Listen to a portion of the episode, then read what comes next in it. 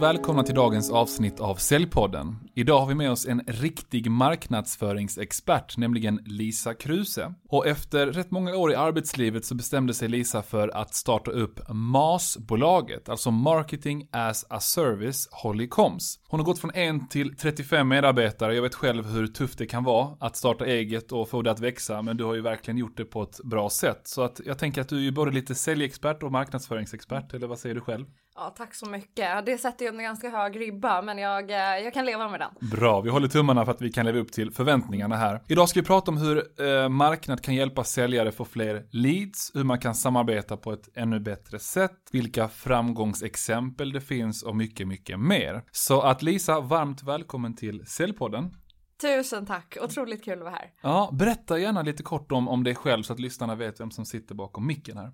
Mm, Lisa Kruse heter jag, är, är grundare av Holycoms och precis som du sa så är vi en, en masbyrå. Det, vad är det för någonting? Eh, det, vi jobbar med marknadsföring egentligen i alla, eh, alla möjliga former. Eh, jag personligen kommer från, från retoriken i början och det låter ju så supertorrt när man, när man pratar om det så här kanske men all kommunikation enligt mig, liksom föddes väl kanske jag vet inte, på stenåldern eller någonting, men man börjar forma det där ganska mycket under antiken. Och det är sjukt mycket som fortfarande gäller ifrån den retoriska läran. Mm. Så att eh, allt grundades väl där, men sen vet vi alla hur mycket som har hänt. Alla ni som jobbar med sälj vet att kommunikation sker idag i det fysiska mötet, i telefon, i mail, på LinkedIn, liksom. I hemmet. Place, I hemmet, ja, jag vet. det finns överallt. Um, så att ja, man behöver titta på det på ett ganska holistiskt och kanalöverskridande mm. sätt. Så, att, mm. um, så det är vi på Holycoms, egentligen det mesta inom marketing. Coolt. Och, och vad var det som fick dig att börja, ja, börja brinna för eller finna ett intresse för det här med marknadsföring och kommunikation? Ja, faktum är att eh, jag har nog alltid gillat att prata, skulle min mamma säga. Det började mm. lite där.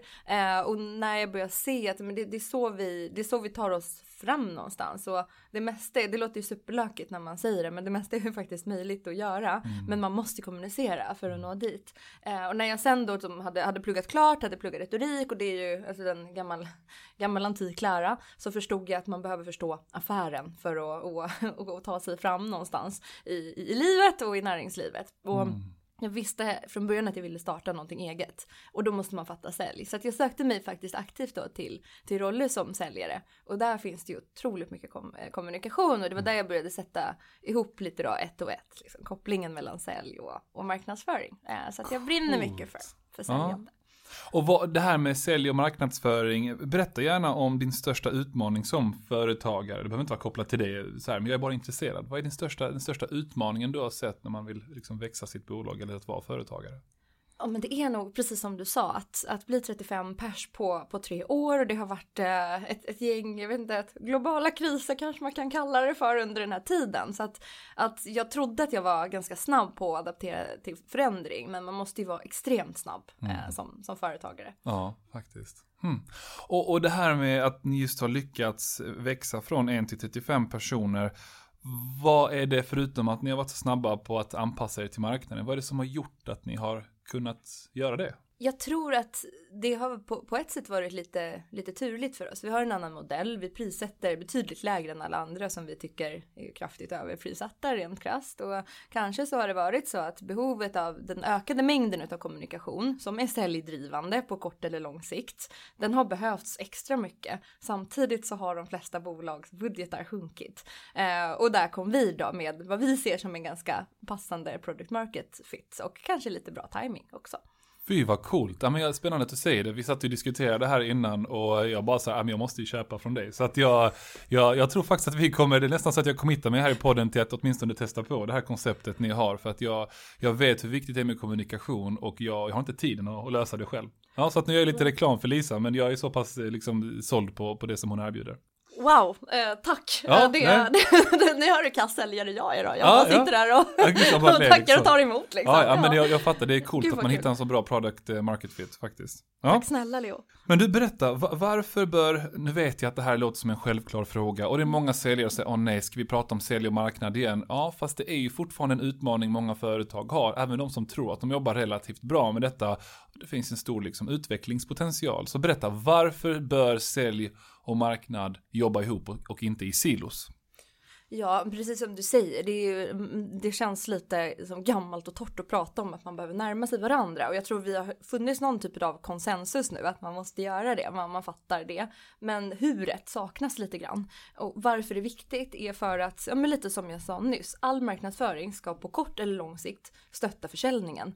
Sen kan man då på, på lång sikt behöva göra saker som kanske ser lite fluffiga ut, men, men de ska ändå driva in eh, sälj i slutändan. Så det, det är det man ska jobba mot det, det, det målet. Mm. Och sen är det där konkreta huret, det är det som är viktigt. Mm, just det. Och vad, säg det här, eller huret, vad menar du med det? Berätta. Ja, men jag tror idag så kan det finnas, jag kan, kan tänka mig att av er lyssnare så finns det säkert de som jobbar på bolag som, men där det funkar ganska bra och sådär och man ändå har möten tillsammans. Men det finns många fortfarande som sitter lite på sin ena avdelning här och sin andra avdelning här. Det finns många marknadsavdelningar som kanske tycker att de levererar jättemycket leads exempelvis och sen så tas det här emot utav sälj och sälj tycker att leadsen är kassa och då, mm.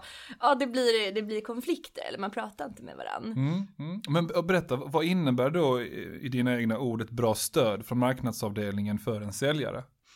Ja, ett bra stöd kan exempelvis, om man tar ett superkonkret exempel eh, som, ja, men som, som, som jag själv tycker det, det är sån easy win att gå på. Det kan vara att om jag som säljare eh, springer på en särskild vertikal just nu, vi satsar på den här vertikalen, vi tror på den, vi lägger mycket av vår tid på det. Då behöver jag en viss mängd utav, vad man kallar det för material. Det kan vara kundcase, det kanske är en landningssida, det kanske är LinkedIn-inlägg som riktar sig till den här vertikalen specifikt. Det det tycker jag är en klockren grej att, att ta hjälp av marknadsavdelningen för. Så det är en ganska konkret stöd. Men man då jobbar tillsammans. Mm. Eh. Bra. Okej, okay, och eh, jag tänker på det här med eh, om man som säljare inte upplever att man får ett tillräckligt bra stöd eh, från marknadsavdelningen. vad, vad kan man göra då? Det, det, är ganska lätt hänt att man känner sig uppgiven och bara jag kan ju inte påverka så mycket. Men berätta, vad har du för erfarenheter där?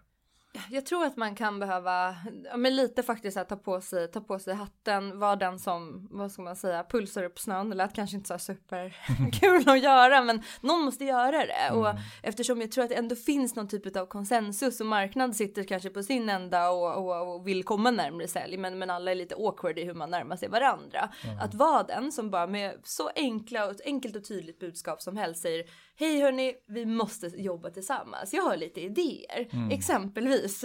Ja. ja, vi har inga kundcase kring den här kategorin. Här har jag tre förslag på jätteglada kunder. Kan mm. inte vi intervjua dem? Jag ja. kanske kan hjälpa till och ta fram lite frågor kring vad vi kan fråga dem för någonting. Och jag kan reka med dem i förväg och jag kan hjälpa till att boka. Bara försöka närma sig och visa att man inte bara kommer och ska ha saker. Ja. Utan man visar faktiskt hur man kan göra det tillsammans. Ja men precis. Och det, och det här med att skapa så gemensamma forum för diskussion. Det är så sjukt viktigt. Jag har varit på företag där marknadsavdelningar och marknadsavdelningen har varit väldigt uppskattad av säljarna. Men samtidigt när de väl kommer med det här materialet. Och det här är vår nya säljpresentation finns det inte en enda av rätt många säljare som säger, men vad fasen är det här? Ska jag visa en bild på liksom någon som äter spaghetti till ett möte med en erfaren vd? Det är så här, ja fast det finns en tanke bakom det, men har man inte förstått det, både om man inte varit med och liksom skapa materialet, i alla fall ha idéer kring materialet, men även om man, eh, om det inte kommuniceras tillräckligt tydligt varför vi gör den här marknadsföringskampanjen och liknande, då, då blir det silos som tycker och tänker och pratar massa skit, rent ut sagt ibland. Verkligen, verkligen. Och det kan vara det åt andra hållet också. Att man kan sitta där som marknadsförare, man har gjort någon aktivitet som man tänker inte ha med sälj att göra. Det, kan, det kanske är PR.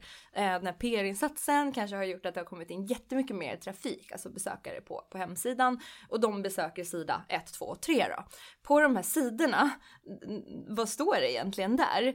Och där tycker jag då att man som, som marknadsförare behöver ta hjälp av säljarna. Vad är det kunderna undrar för någonting? Om det här var ett fysiskt möte och inte en, liksom ett digitalt hemsidebesök. Vad hade, vad hade säljaren sagt för någonting? Mm. Eh, man har kanske bara några sekunder på sig på, på sajten men nu är de ju där. Mm. Så vad säger vi? Och om de då går in på om oss eh, och sen är den här om oss-sidan eh, asdålig ur ett säljperspektiv. Då, då har man ju skjutit fel. Ja. Hm. Men du, har, du, har du exempel på bolag, du behöver inte nämna namn och så här, men som jobbar enligt dig exemplariskt med det här sälj och marknad. Vad gör de, vad gör de annorlunda jämfört med andra? Ja, men de har, de har satt, det här låter supertråkigt, men lite som med all typ av sälj eh, och all typ av, eh, ja men egentligen allting där man vill nå någon typ av resultat, oavsett om det är träning eller om det är relationer eller vad som helst. Man behöver sätta lite processer och rutiner tror jag kring saker och ting. Mm. Och det kan man ju dra tillbaka till sin egen relation. Man behöver sätta någon typ av date nights, alltså det, sådana här saker finns ju av en anledning. Och inte att man kanske ska dejta marknadsavdelningen på det sättet, men, men man behöver sätta träffar träffar och processer. Vad jobbar vi för projekt tillsammans? Hur gör man det här? Hur ofta hörs vi? Vad gör vi då? Brainstorma tillsammans. För att närma sig varandra så, så behöver man sätta processer. Och några som har gjort det här bra de, vi jobbar med ett jättestort IT-konsultbolag. De, hade, de har också en, en, internationell approach, så det kommer väldigt mycket material ifrån ett annat land då, som ska anpassas till den nordiska marknaden. Det här tycker säljarna är helt kast, för det är ganska, då kommer från det här andra, andra landet, det passar inte in här, det är en, en klassisk utmaning. Så det funkar inte bara att översätta saker. Så vad vi började med där var att gå in nästan lite medla mellan marknad och sälj. Okej, om vi ska, ska vi steka en viss mängd av materialet som kommer ifrån Corp, eh, ta fram eget, vad ska vi då ta fram, vad behövs för någonting? Där börjar de närma sig varandra. Och sen, sen ville de ha hjälp med att få ut det här på rätt sätt. Då satte vi som en, en kurs egentligen för ambassadörskap på LinkedIn. Så att säljarna lärde sig hur man jobbade bättre med social selling, hur man använde materialet som man fick mm. utav marknad.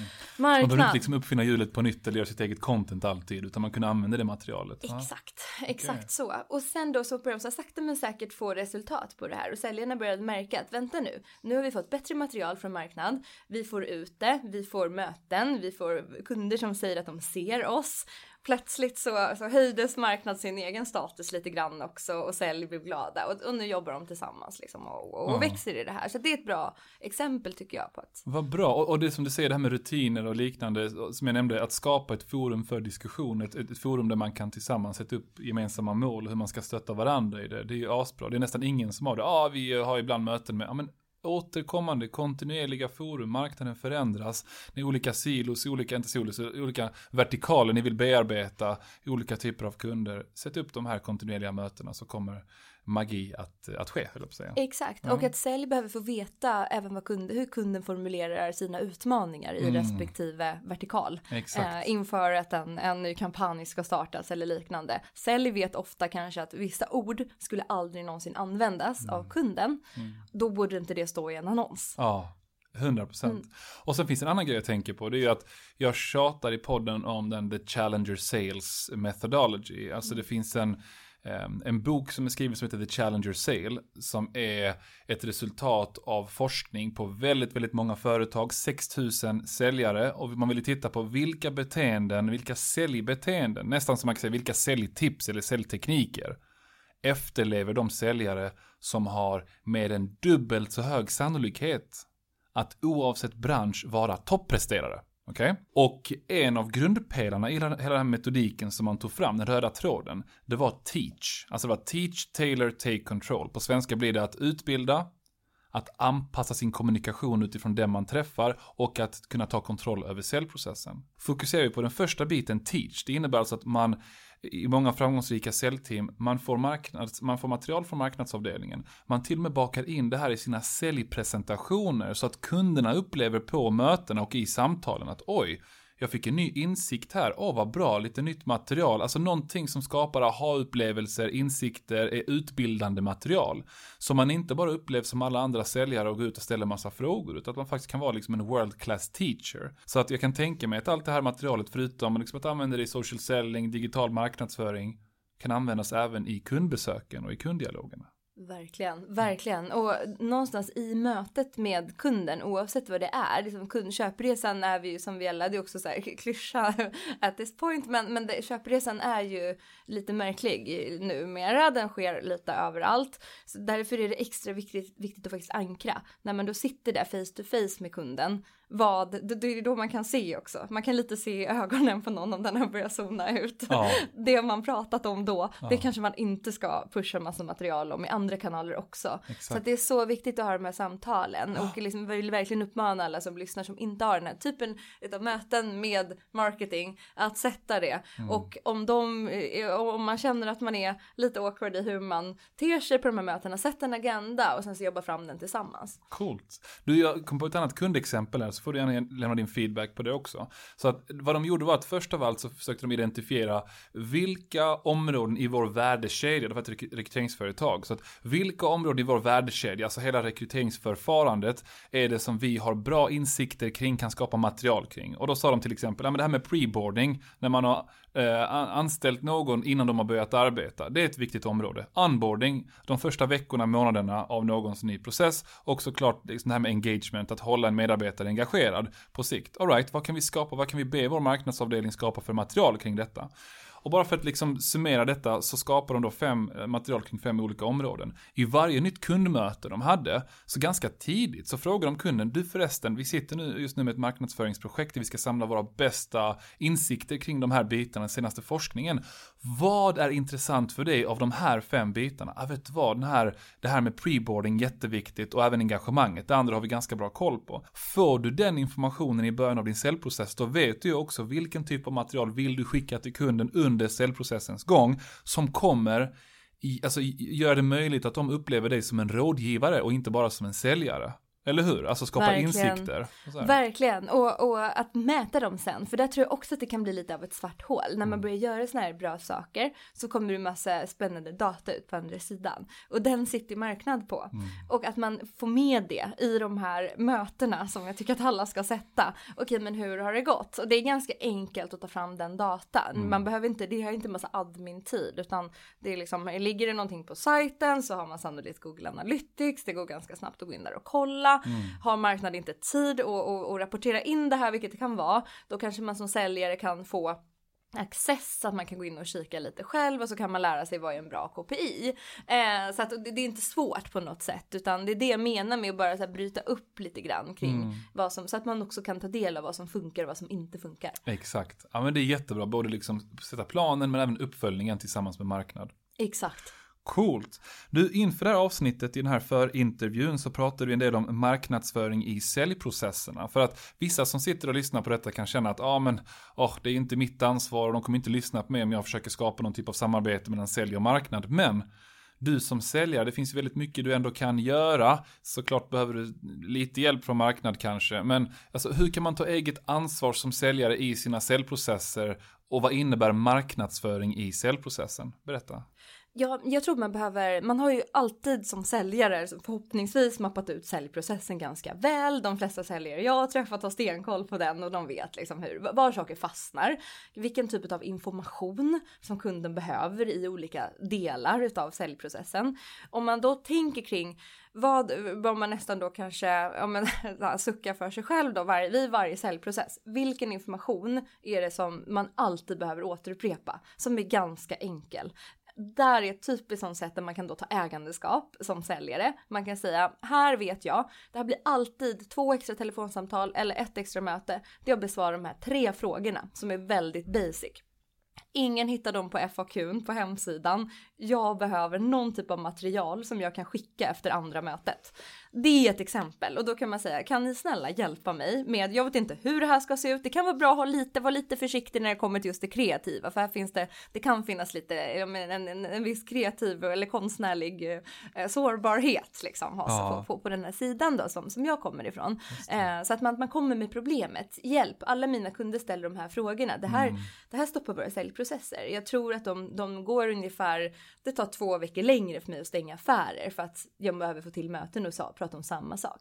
Kan jag få någon sorts film eller något jag kan skicka? Ja, precis. Det där eh, tror jag kan vara ett sätt. Vad spännande. Jag vill Mm. utmana det men ändå bekräfta det lite grann. För att jag, min, min starka åsikt är att ju fler kontaktpunkter du har med en kund, alltså där du får möjligheten att ha en dialog med kunden i din säljprocess, desto högre hitrate kommer du ha. För kunden känner sig mer investerad i den här dialogen.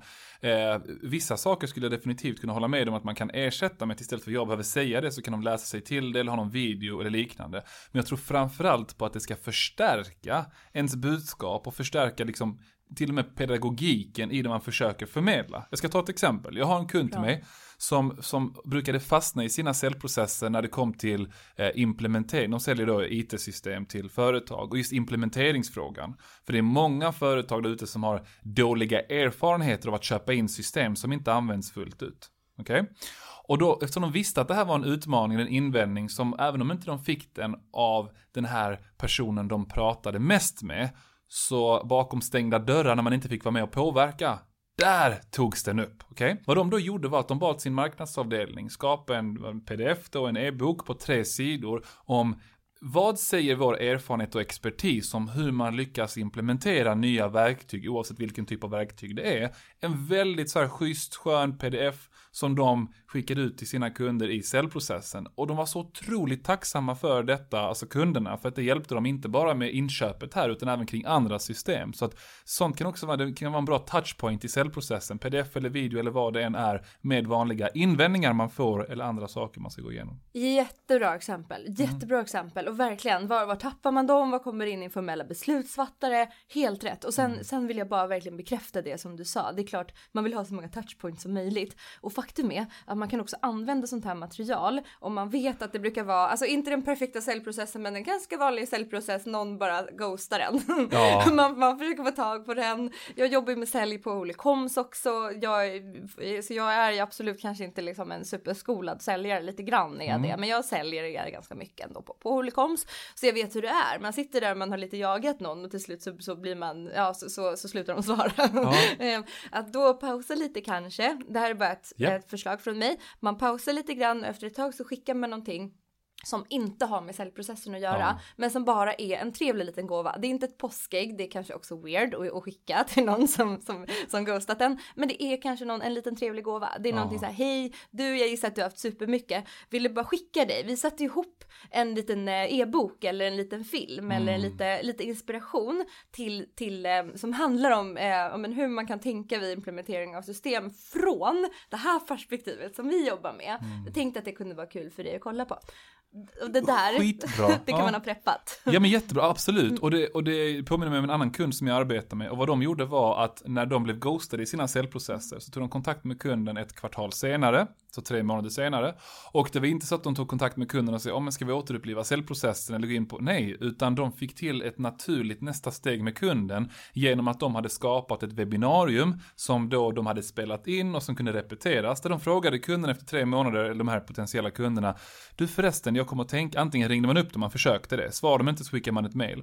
Och sa man, du förresten, jag, jag kommer att tänka på det för att vi har skapat ett webbinarium som handlar om just de här bitarna. Är det intressant för dig att ta del av? Ja, men det är faktiskt intressant. Bra. Och så reggar man personen på webbinariet och lyckades boka upp en uppföljningstid på det. På, ja, jag vill höra vad du tycker och, liksom, tycker och tänkte om webbinariet. Exakt. Och alltså i 50% av fallen så lyckades de återuppliva cellprocessen som tidigare var döda jämfört med ungefär 15-20% av fallen när de bara ringde och försökte återuppliva cellprocessen. Wow. Så att det är, ett jätte, alltså det är en jätteeffekt av att man spontant hör av, sig, men man har något värdeskapande att erbjuda för att få till ett nästa steg.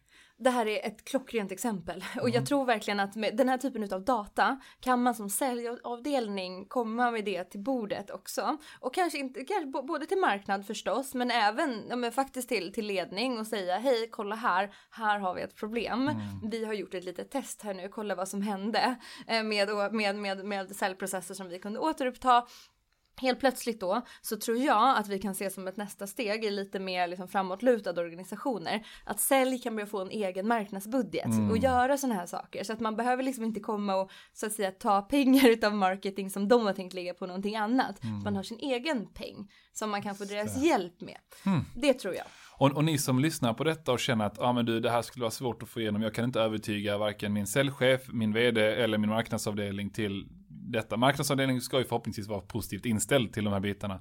Ja, skicka länken till det här avsnittet så får de lyssna på våra erfarenheter för det här funkar verkligen. Verkligen, verkligen. Och det, börja internt, se om ni har kompetensen. Har ni inte det, leta efter extern hjälp. Man kommer ganska långt eh, internt men kanske ibland ännu längre med extern hjälp också. Ja men så är det och jag tror att man kan behöva höra det här som vd också. Man kan behöva höra det här som, som ledningsgrupp överlag för mm. det är ett nytt sätt att sälja som mm. vi ser här nu och man behöver stöd. Och där är många inte riktigt än. Det bara pratas om det. Ja. Du, jag tänkte fråga dig, många pratar om social selling och det är så här, bara man säger social selling så blir det så, ah, jag spyr liksom. Men om, om vi ändå ska prata om den här biten, om hur man lyckas med det, eh, eller en del utav det, det är att många säljare känner sig inte jättebekväma i själva content-skapandet, alltså att skapa material, att själv skriva texter som man ska lägga ut på LinkedIn. Liksom, det är en sak, och en annan sak jag vill ta upp det är det här med kontinuiteten. Det var så, oh, ja, ska, jag, ska jag både skriva massa grejer och sen göra det varje vecka för att, för att det här ska generera någonting överhuvudtaget? Jag, jag struntar i det helt enkelt. Men berätta om det här med content-skapandet, hur, hur gör man då om man inte är bekväm i det? Ja men först och främst så tror jag verkligen att man måste våga äga det. Att jag är inte en skribent. Ja. Är man inte det så är man inte det. Och det, det är kanske alternativkostnaden för dig som säljare och för bolaget. Att du ska sitta och lära dig att bli en skribent istället för att sälja massa mer. Det makes no sense. Jag tror att det är därför så många backar. Ja. Så hur man gör rent konkret det är att man tar hjälp. Det här är någonting som vds och företagsledare har gjort i ganska många år. Det heter spökskrivning. Ja. Det låter lite mer mer shady än vad det behöver vara. Det handlar om att man tar hjälp av en skribent som skriver åt en mm. på det språket som man själv brukar prata. Ja. Då menar jag inte eh, kanske svenska eller engelska eller vad man nu säljer på för språk utan med ord som man brukar använda. Mm. Man härmar och efterliknar sättet som, ja, som du brukar skriva på. Eh, man kan göra då produktionen utav det här kan ske, nu det, det låter som jag är värsta processnörden, jag är inte ja. det utan jag tror jag behöver ha processer för att funka ja. bra liksom. Man kan sätta det i process. Man kan exempelvis telefonintervjuas av en skribent en gång i månaden. Skribenten tar fram fyra inlägg baserat på det här. Man godkänner dem eller så ändrar man lite grann. Mm. Och sen lägger man ut de här en gång i veckan. Mm. Det är ett exempel. Ja. Och en sak jag vill tillägga kring, kring just att, att lägga ut det, för det där tror jag också är ett problem. Att man som säljare springer runt, jag är också typiskt någon, man flaxar runt på möten, liksom, man har inte riktigt kontroll över, över klockan alltid. Man behöver ha inläggen helt färdiga ja. i notes på mobilen eller var som helst med en bild eller en länk och hashtags så man kan copy-pasta det in på LinkedIn. Mm. För då tar det faktiskt två sekunder att göra. Men att sätta sig och skriva någonting då medan man sitter sitter på någon perrong eller någonting. Så ja. det, det, ingen kommer göra det och det Nej. kommer inte bli bra. Och, och, jag vill ändå, alltså det låter jättekonstigt. Jag gör det inte som att jag är delägare i Hollycoms här, utan det här är första gången jag träffar dig på, på riktigt, förutom i ett eh, digitalt samtal. Men jag tänkte på det när vi diskuterade inför den här poddinspelningen. Det är så här, okej, okay, men vad kostar min tid egentligen? Om då struntar i att jag är säljutbildare och säljer för ett par tusen i timmen och så här, utan bara om jag skulle jobba som säljare. De flesta säljare har en budget på över 100 000 per månad, annars kan man inte ens göra vinst som täcker sin lön liksom.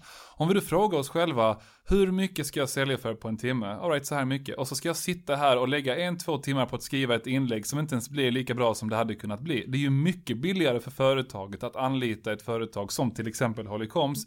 som gör det här, det är professionella människor som gör det. Om man nu vill satsa på till exempel, eh, det vi pratar om nu, alltså att skapa content eh, för att skapa värde för, för kunderna testa på det i alla fall. Det är det jag kommer göra med er i alla fall. Så att, oh, jag vet, wow. nu låter det fasen som att jag är blivande delägare här. Men jag tycker det är så... Det, är det så, får det sån, gärna bli. Ja, men det är så, men det är sån, det är sån självklarhet egentligen eh, när man tänker efter lite grann. För att många tycker också, eller och tänker, det är så jäkla dyrt att ta in en extern firma som ska hålla på och skriva saker till oss och liknande. Men här finns ju eh, säkert alternativ på marknaden. Men det är ett säljstöd och det är tack ja. först och främst för de fina orden. För det är precis ja. det vi vill vara. Och, mm. och, vi vill ligga nära affären. För mm. det är mm. någonstans det är då man kan börja få ROI på sin marketing. Mm. Och även om man inte vill gå till Holycom, så vi hoppas att alla vill såklart. Ja. Men, men det, det, kanske inte alltid funkar av olika anledningar och, och, och sådär. Och mm. det, det, finns ju såklart fler att välja på.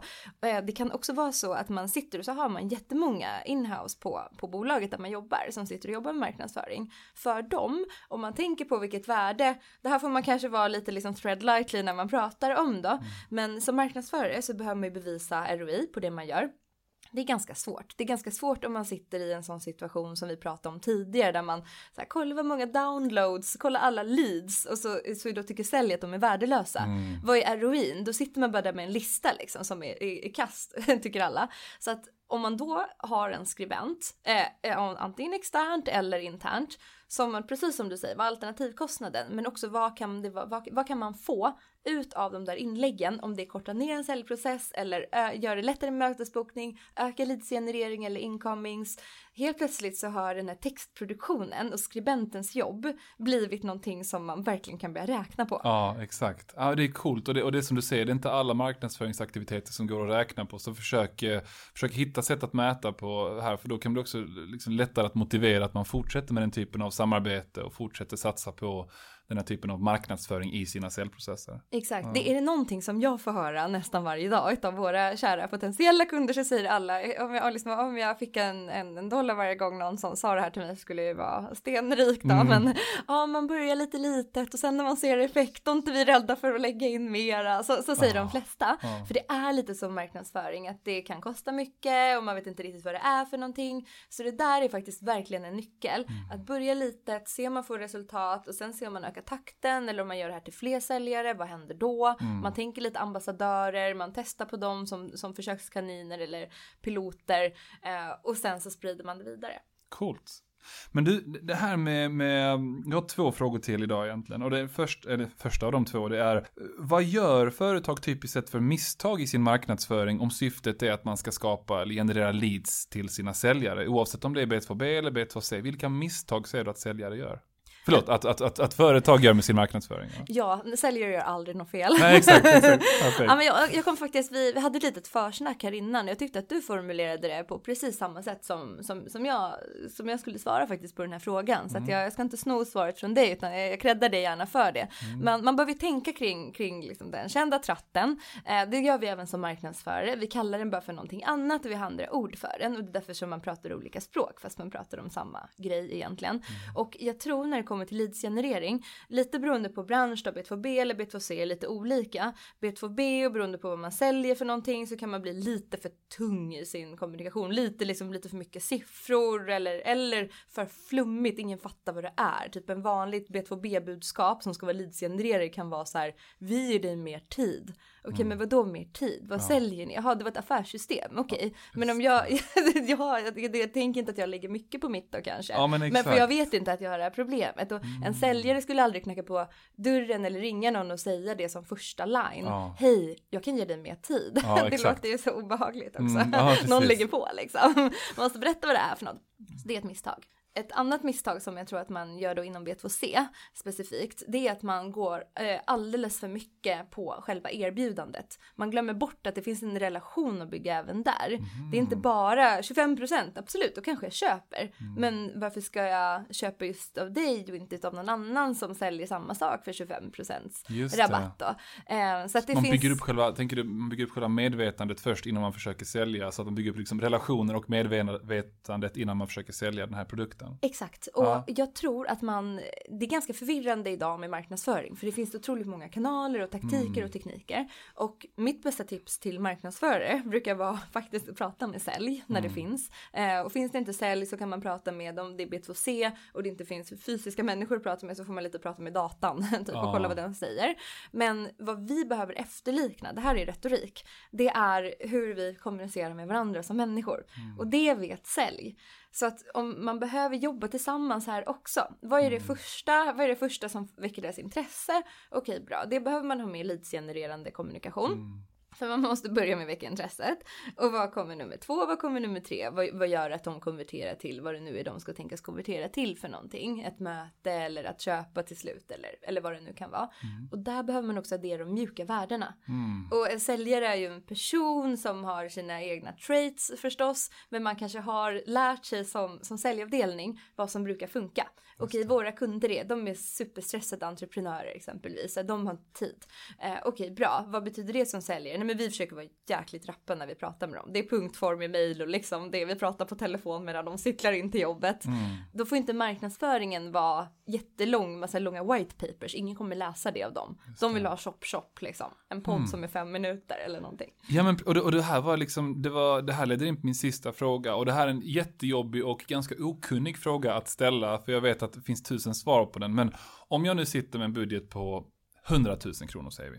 Och så är vi så här, okej okay, Lisa, jag vill, mitt mål är att jag ska generera x antal leads. Och jag har olika sätt att göra det på, för det finns så många olika, olika sätt, att, att, sätt att marknadsföra sig på. Jag kan börja med liksom organiska inlägg på LinkedIn och skriva jättefina grejer. Jag kan till och med göra betald marknadsföring på LinkedIn. Jag kan göra betald marknadsföring på Facebook, på Instagram, på allt möjligt. Eh, jag kan börja med webbinarier. Jag kan, alltså finns det någonting som du känner så här, eh, jag vet en jättejobbig fråga, men säg B2B att börja med. Att okej, okay, har ni pengar, ni ska bara satsa på en enda aktivitet. Det här är vad jag skulle satsat på om det är leadsgenerering för säljarna ni är ute efter. Är det någonting du tänker, vad skulle du spontant göra?